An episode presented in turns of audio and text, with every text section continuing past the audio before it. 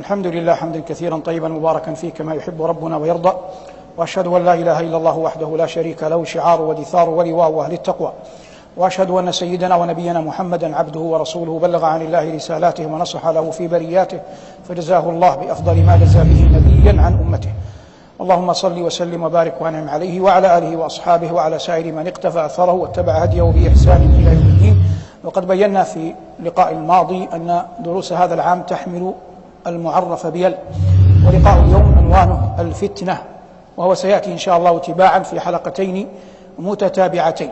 الأولى منهما أن الفتنة في اللغة مأخوذة من الفعل فتن وأهل الصناعة اللغوية كما قال الراغب الأصفهاني رحمه الله في المفردات وقال غيره قالوا إن أصلها مأخوذ من إدخال الذهب أو الفضة في النار لتظهر جودته. وجميع معاني الفتنة لا تكاد تبعد كثيرا عن هذا عن هذا المعنى. تقع على طرائق عدة وألوان شتى. لكن إن شاء الله تعالى ونحن نفسر سيتضح سيتضح الأمر لك. تأتي الفتنة بمعنى الابتلاء والاختبار.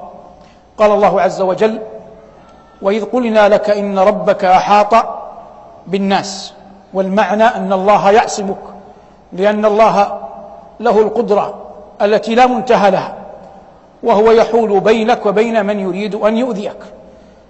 وإذ قلنا لك إن ربك أحاط بالناس وما جعلنا الرؤيا التي أريناك إلا فتنة للناس. والمراد بكلمة فتنة هنا ابتلاء واختبارا للناس. والمراد بالرؤيا رؤيا عين وهي حقيقة الإسراء والمعراج. لأنه صلى الله عليه وسلم لما أسري وعرج به وجاء يحدث الناس كان ابتلاء عظيما خاصة للمؤمنين الذين لم يكن لهم طويل عهد في الإيمان لأن الإسراء والمعراج كان في السنة العاشرة من من الهجرة. وأعظم من ظهر صدق إيمانه في ذلكم اليوم الصديق رضي الله عنه وأرضاه.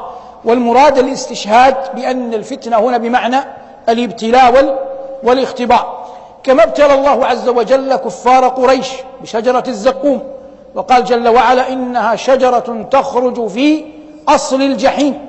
فربنا يقول إن شجرة الزقوم تخرج في أصل الجحيم أي في قعر جهنم. فكان القرشيون أبو جهل وأقرانه وأتباعه وأضرابه يقولون هذا محال أن الشجر لا ينبت في لا ينبت في النار. فكان الإخبار عن شجرة الزقوم نوع من الابتلاء للناس نوع من الابتلاء للناس. وتأتي الفتنة كذلك بمعنى العذاب نفسه بمعنى العذاب نفسه. ذوقوا فتنتكم أي ذوقوا عذابكم.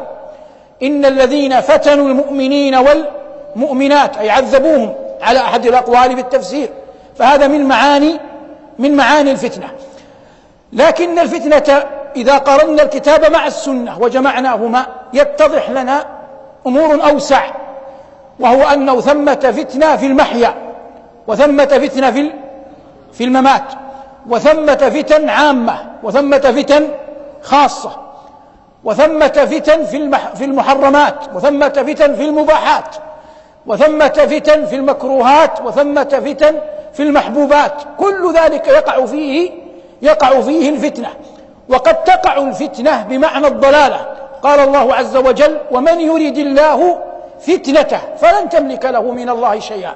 والمعنى من يرد الله إضلاله لن تملك له أن تهديه. لأن الهداية والضلالة بيد بيد الله تبارك اسمه وجل ثناؤه.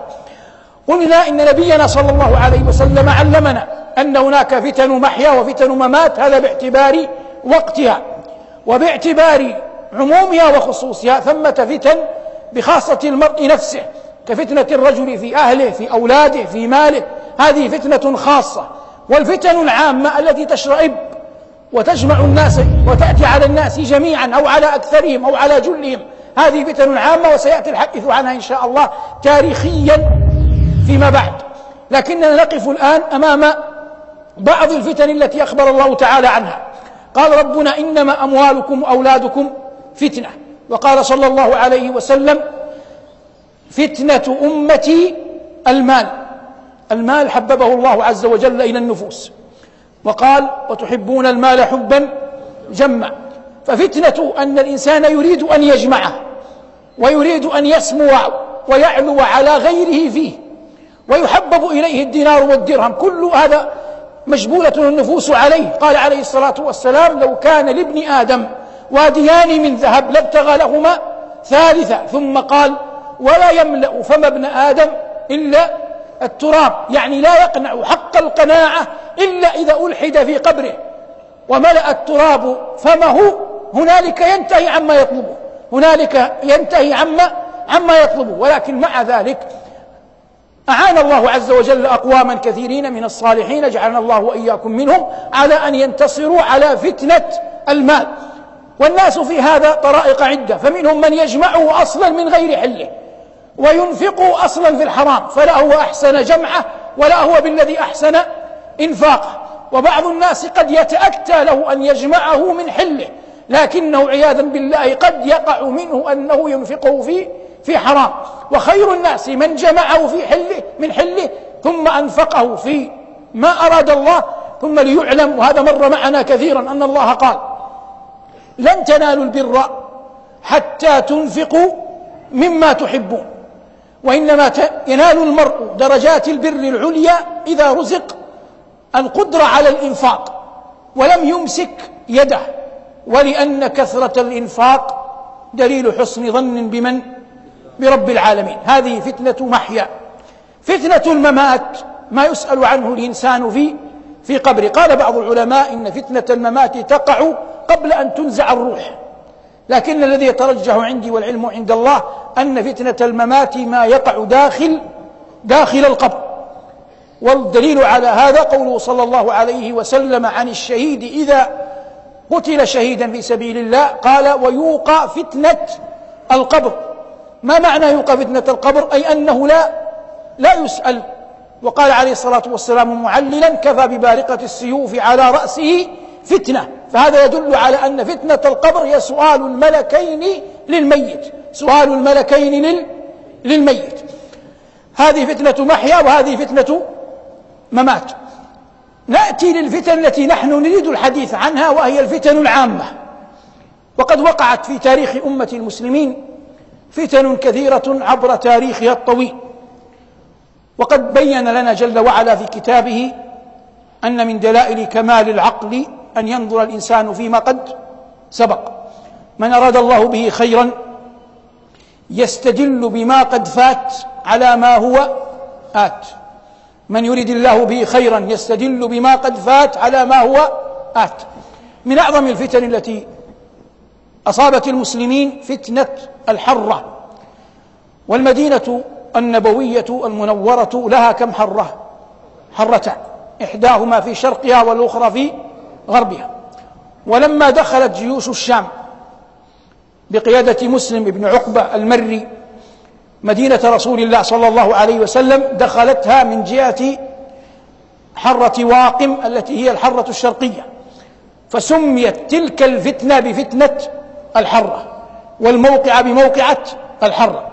نحن هنا لا نريد أن نسترسل بالحديث لكن سأقتبس لك حدثا منها تعلم فيه خطورة الفتن إذا ظهرت النبي عليه الصلاة والسلام قبل الهجرة إلى المدينة أذن لأصحابه بالهجرة إلى أين؟ إلى الحبشة ممن هاجر إلى الحبشة أم سلمة رضي الله عنها وأرضاها التي أصبحت بعد ذلك ماذا؟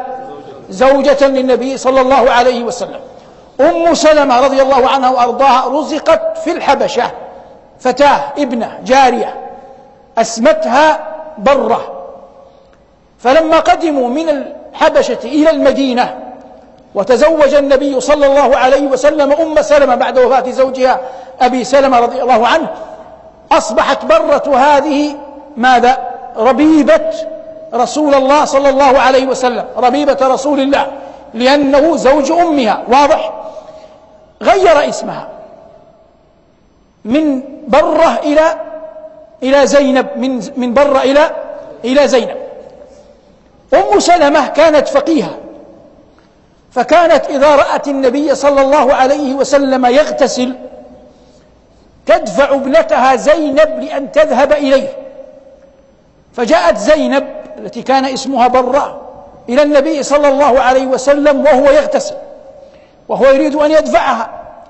فنضح صلى الله عليه وسلم في وجهها الماء نضح في وجهها الماء الذي يغتسل به. فأصبح ماء الشباب في وجهها كبرت وعمرت وجاوزت الثلاثين وبقيت نظرة الشباب ظاهرة في وجهها ببركة ماء غسله صلى الله عليه وسلم. رزقها الله عقلا وحكمة. أدركت وقعة الحرة أدركت وقعة الحرة وكان لها يومئذ رضي الله عنها وأرضاها إبنان. كم؟ إبنان. أحدهما قاتل.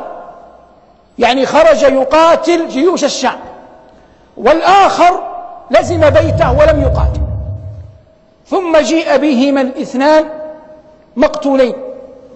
ووضع عندها الآن هذه صحابية لم يعرفوا لها قدرا حتى تعرف أن الفتن عمياء.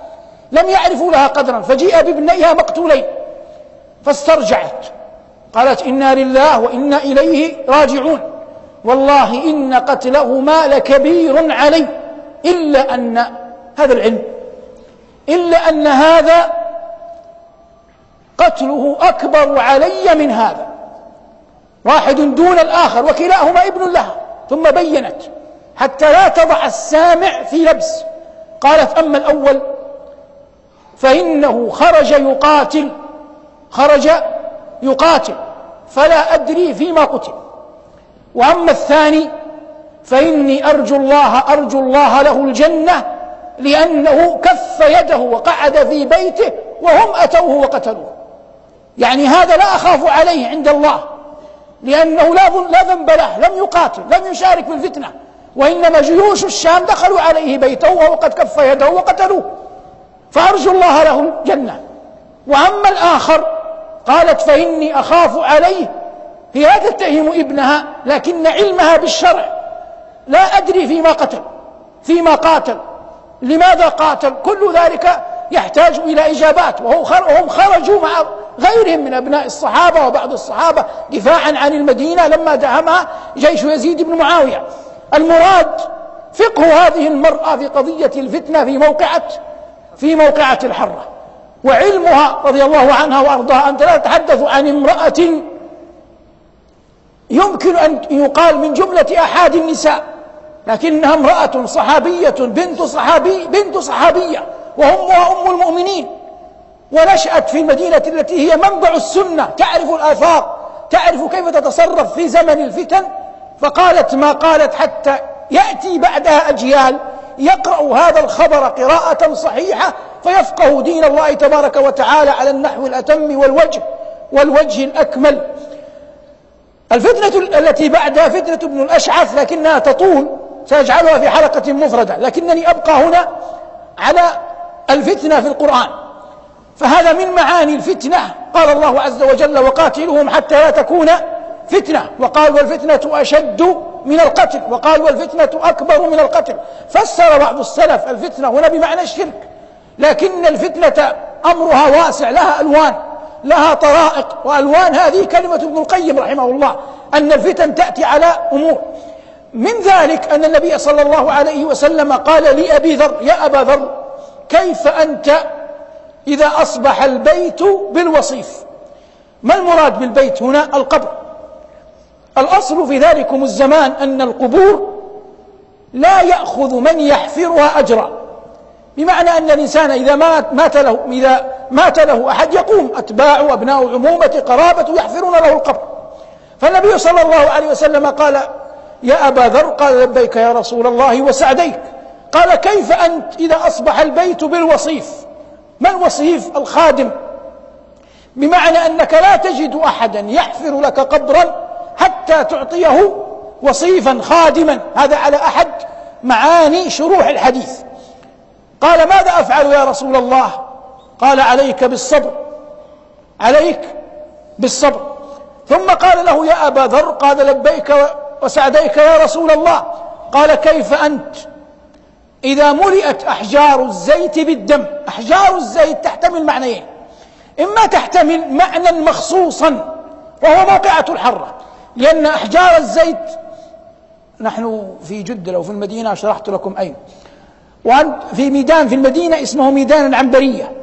وأنت خارج منه إلى جدة على يسارك تأتي مبنى أمانة المدينة بعدها بقليل. هناك منطقة تسمى أحجار الزيت قديما. وهذه إما أن يكون النبي صلى الله عليه وسلم قد عني بوقعة الحرة. بوقعة الحرة. وإما أن يكون هذا أمر يحدث آخر آخر الزمان. وإما أن يكون أمر يحدث آخر الزمان. فقال أبو ذر لما أخبره النبي صلى الله عليه وسلم بهذا قال يا رسول الله ما اختار الله لي ورسوله. تأدبا لم يقدم بالجواب. لم يتقدم بالجواب. فقال صلى الله عليه وسلم إلزم بيتك. قال يا رسول الله أفلا أحمل سيفي على عاتقي؟ قال شاركت القوم إذن. أي أنت ومعهم في الفتنة سواء.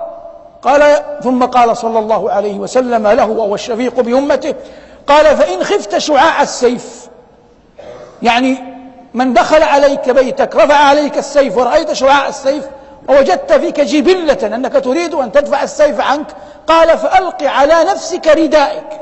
ألق على نفسك رداءك أي غطي عينيك. فإن غطيت عينيك لن ترى ماذا؟ لن ترى شعاع السيف. وعندما لا ترى شعاع السيف لا تجد في نفسك قدرة على أن تدافع. ثم قال ألق على نفسك رداءك حتى لا ترى شعاع السيف.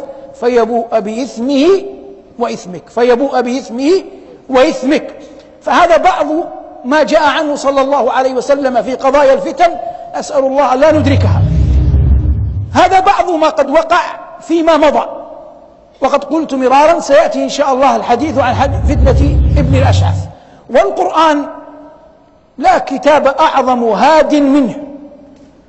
وكل القرآن يدل على أن من أعظم المقاصد الشرع أن تجتمع كلمة المسلمين وأن تتآلف قلوبهم.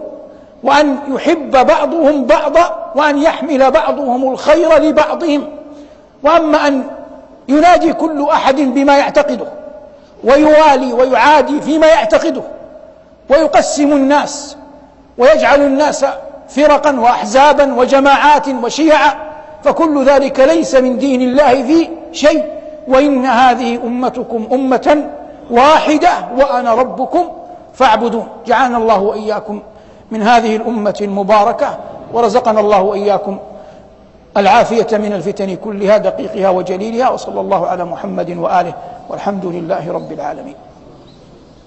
الحمد لله وكفى والسلام على عباده الذين اصطفى.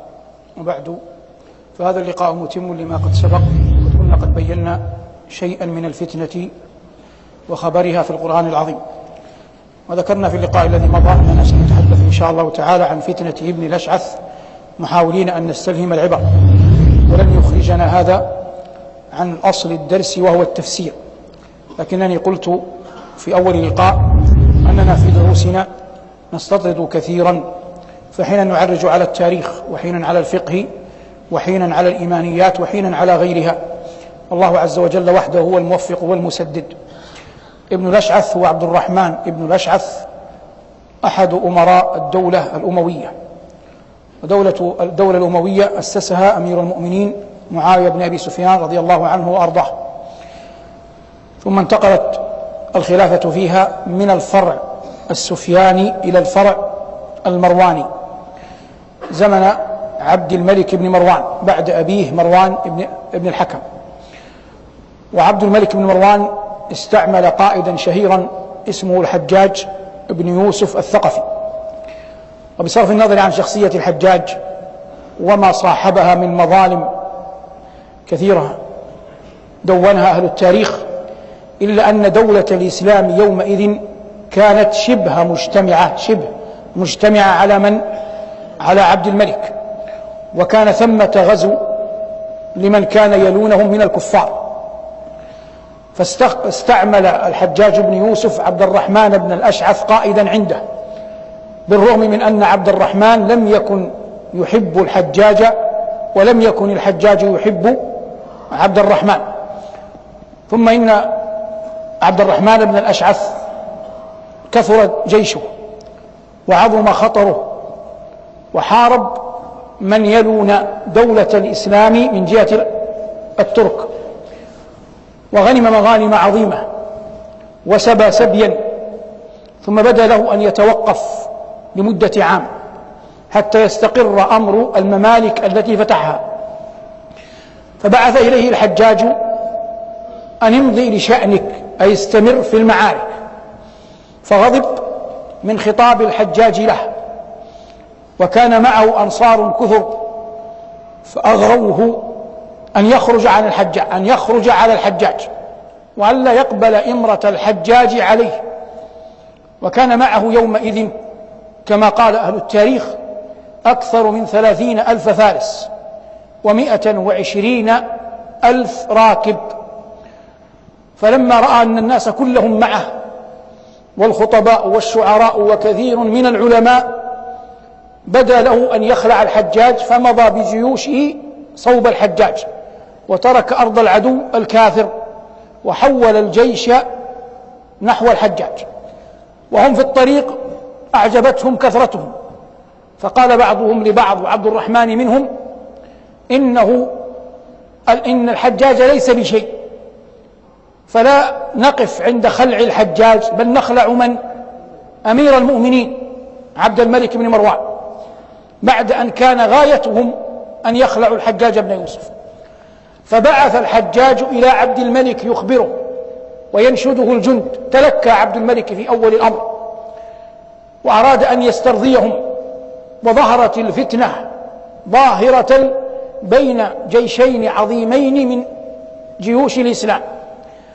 فبعث المهلب أحد قادة المسلمين يومئذ رسالة إلى عبد الرحمن بن الأشعث في المنتهى من البلاغة والديانة والديانة وهم. قال له فيها يا ابن الأشعث لقد ركبت مركبا طويل فاتق الله في أمة محمد صلى الله عليه وسلم واستبقها. فلا تسفك دماءها ولا تنكث بيعتها ولا تخلع إمامها. وقال له أقوالا على مثل هذا النحو يحذره. ثم كتب له والسلام عليك. بعد أن شعر المهلب أن الذمة قد قد برئت. لكن عبد الرحمن كان معه جم من العلماء. لا يشك أحد في جلالة علمهم. لكن كما قلنا الفتن تبقى عمياء منهم سعيد بن جبير ومنهم مالك بن دينار ومنهم مسلم بن يسار وهؤلاء يهمة بالاتفاق. لكنهم عياذا بالله يومئذ غرهم سلطان عبد الرحمن بن الأشعث.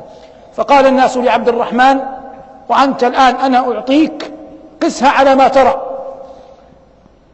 قالوا له إن أردت أن يدافع الناس عنك كما دافعوا عن هودج عائشة يوم الجمل فخذ معك الحسن البصري. والحسن البصري يومئذ سيد من سادات المسلمين وعالم من أجلاء علمائهم. فدخلوا عليه. أي دخل عبد الرحمن ومن معه من العلماء وجل أهل البصرة والكوفة. دخلوا على الحسن. وقالوا له قالوا له الأمر وهم لا يشكون لحظة أنه سيكون معهم لأن العامة والعلماء والفتيان كلهم مع عبد الرحمن وهم يلعنون الحجاج ويذكرون ظلمه وجبروته وعبد الملك الذي سلطه عليهم وأنه كلاهما حقيق أن يخلع.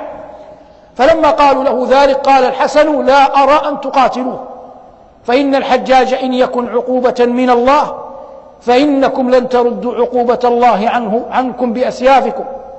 وإن كان الحجاج بلاء من كان الحجاج بلاء من الله فاصبروا حتى يحكم الله بينكم وبينه وهو خير الحاكمين. الآن انقلبوا عليه. هم ما جاءوه إلا معترفين بفضله بعلمه وإلا الناس غيره كثير. لكنه لما لم يعجبهم كلامه قالوا ما بقي لنا إلا أن نطيع هذا العلج وكان الحسن رحمه الله من أصل غير عربي ما بقي لنا إلا أن نطيع هذا العلج وتركوه. ودخل مسلم بن يسار رحمه الله وكان يومئذ سيدا في البصرة عالما أعظم من الحسن. يعني يعرف الناس قدره. وذهبوا مع مع عبد الرحمن بن الأشعث. ثم وقعت تاريخيا ما يعرف بمعركة دير الجماجم. فغلب عبد الرحمن بن الأشعث.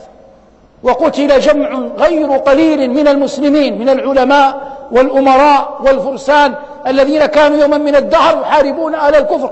فأصبح بأس المسلمين بينهم ودماؤهم تسفك.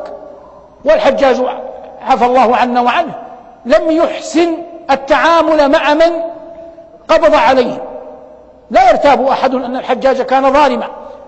وممن أقدمهم الحجاج ممن قاتلوا مع ابن الأشعث رجل من خثعم. كان طاعنا في السن وقد وافق ابن الأشعث. فكان الحجاج عياذا بالله يشترط على الناس بعد أن قبض عليهم يشترط عليهم أن يعترفوا بالكفر ثم يتركهم. بمعنى أنهم يقولوا إن خلع أمارة الم... خلع بيعة أمير المؤمنين كفر. فإذا أقر الرجل بذلك تركه وإن لم يقر قتله. فجاء رجل من خثعم وقال له أقر بأنك كنت كافرا وأنا أتركك. فقال الرجل بئس العبد أنا إن قلتها. عبدت الله ثمانين عاما ثم أشهد على نفسي بالكفر فقتله الحجاج. فلم يبكي الناس على رجل قتله الحجاج كما قتلوا كما بكوا على هذا الرجل الخثعمي. والمقصود يؤتى بالناس له ويقتلهم. وقتل منهم سعيد بن جبير. العالم المعروف تلميذ ابن عباس لأنه وافق ابن الأشعث مضت الأيام. قال الإمام أحمد رحمه الله في كتاب الزهد حدثنا سيار حدثنا جعفر حدثنا مالك بن دينار. قال لقيت معبد الجهني في مكة. أنا على ظهر وهو على ظهر.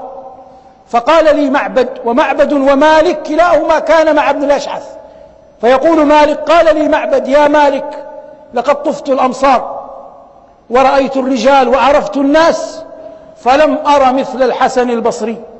يا ليتنا كنا أطعناه يا ليتنا كنا أطعناه.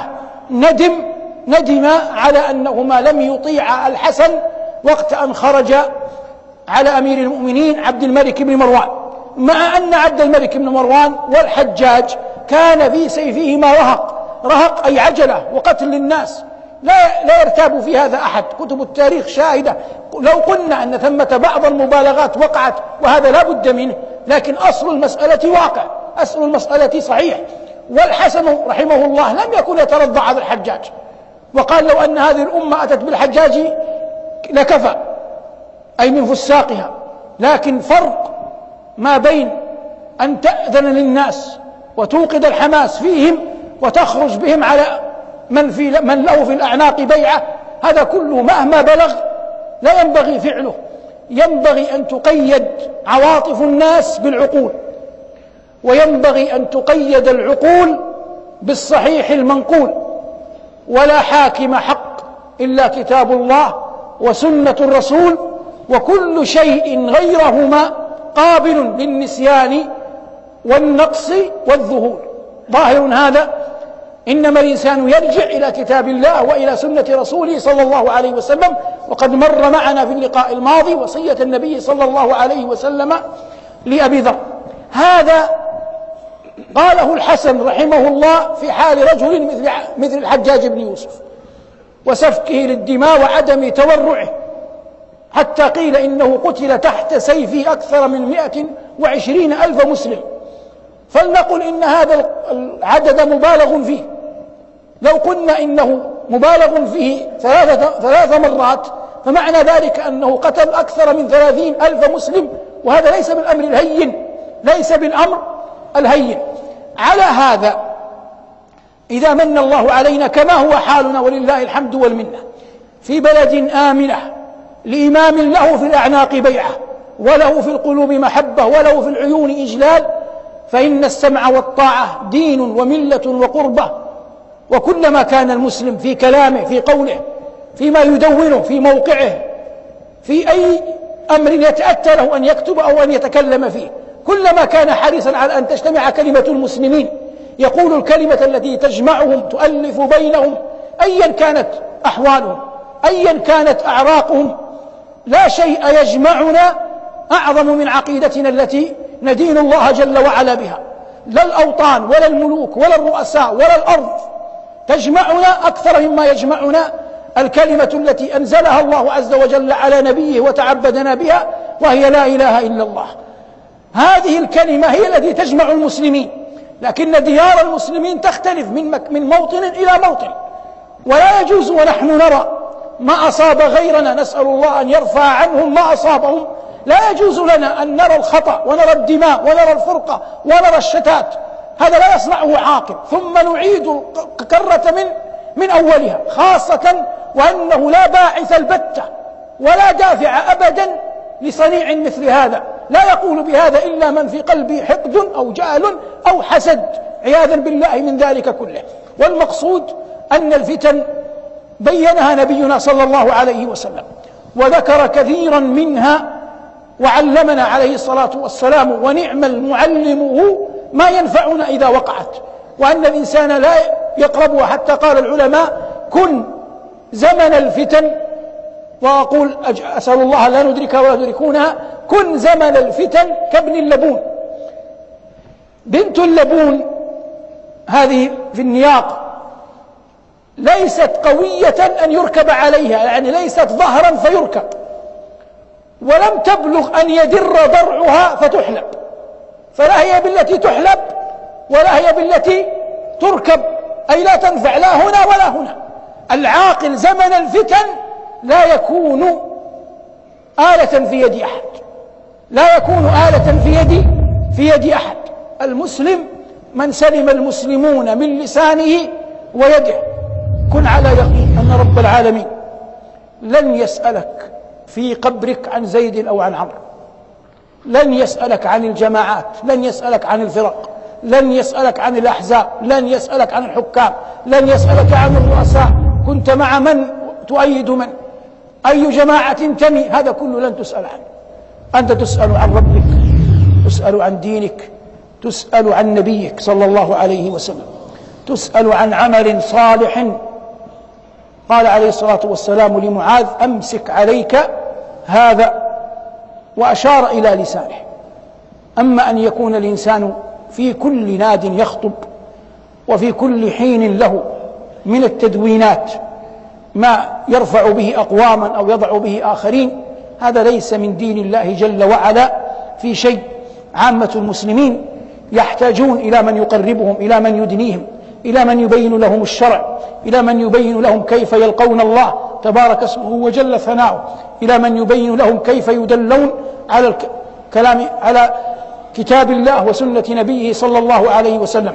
ثم إن الناس لهم سرائر بينهم وبين الله ونحن غير مطلعين عليها ولسنا مسؤولين أن نشهد على ما في بواطن الناس وما في قلوبهم وما تكنه صدورهم.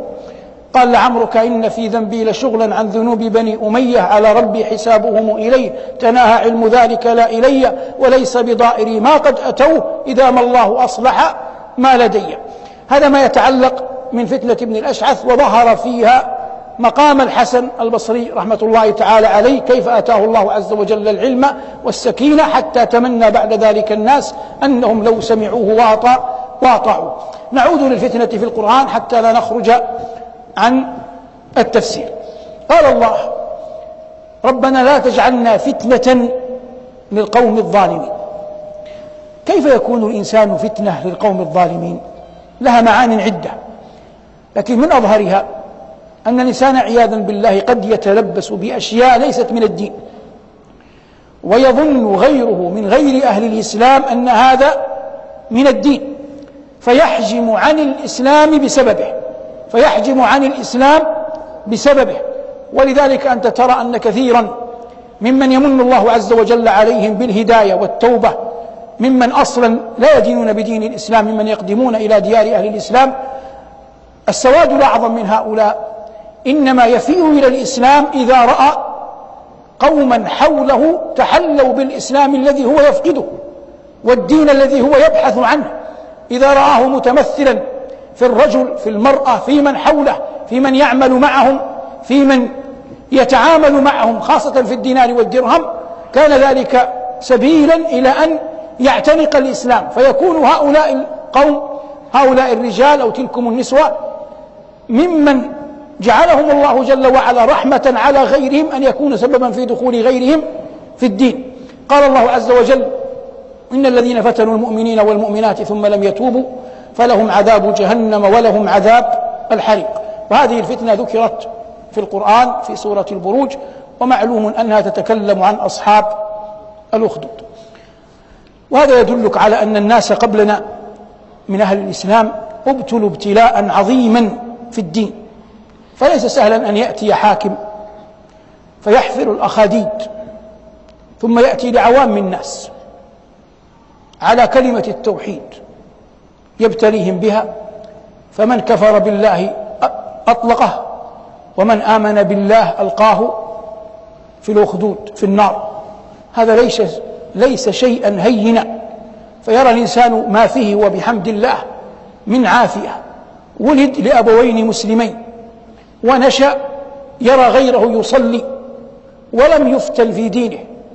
وهذا من رحمة الله عز وجل بنا.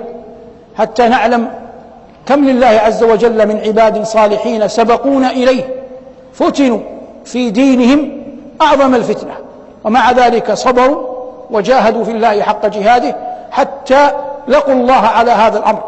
كما لقي شيء من هذا أصحاب رسول الله صلى الله عليه لقي شيئا من هذا أصحاب رسول الله صلى الله عليه وسلم. والمهاجرون الأولون منهم على الوجه الأكمل. من الصحابة الذين زكاهم الله عز وجل في كتابه العظيم قال ربنا والسابقون الأولون من المهاجرين والأنصار والذين اتبعوهم بإحسان. فهؤلاء المهاجرون الأولون كان لهم عظيم المعاناة مع قومهم حتى من الله عز وجل عليهم بالهجرة ثم من الله عز وجل عليهم بالتمكين ثم من الله عز وجل عليهم بالخاتمة الحسنة فمنهم من مات وهو حول رسول الله صلى الله عليه وسلم يقاتل عنه. ومنهم من متعه الله فبقي بعد النبي صلى الله عليه وسلم ينشر الدين ويتلو القرآن ويعلم الناس حتى أتاه اليقين. ومن سنن الله عز وجل في خلقه أن الأمر إذا ضاق اتسع وأن مع العسر يسرا وأن خاتمة الصبر الفرج. فرج الله عنا وعنكم كل سوء. صلى الله على محمد وآله والحمد لله رب العالمين.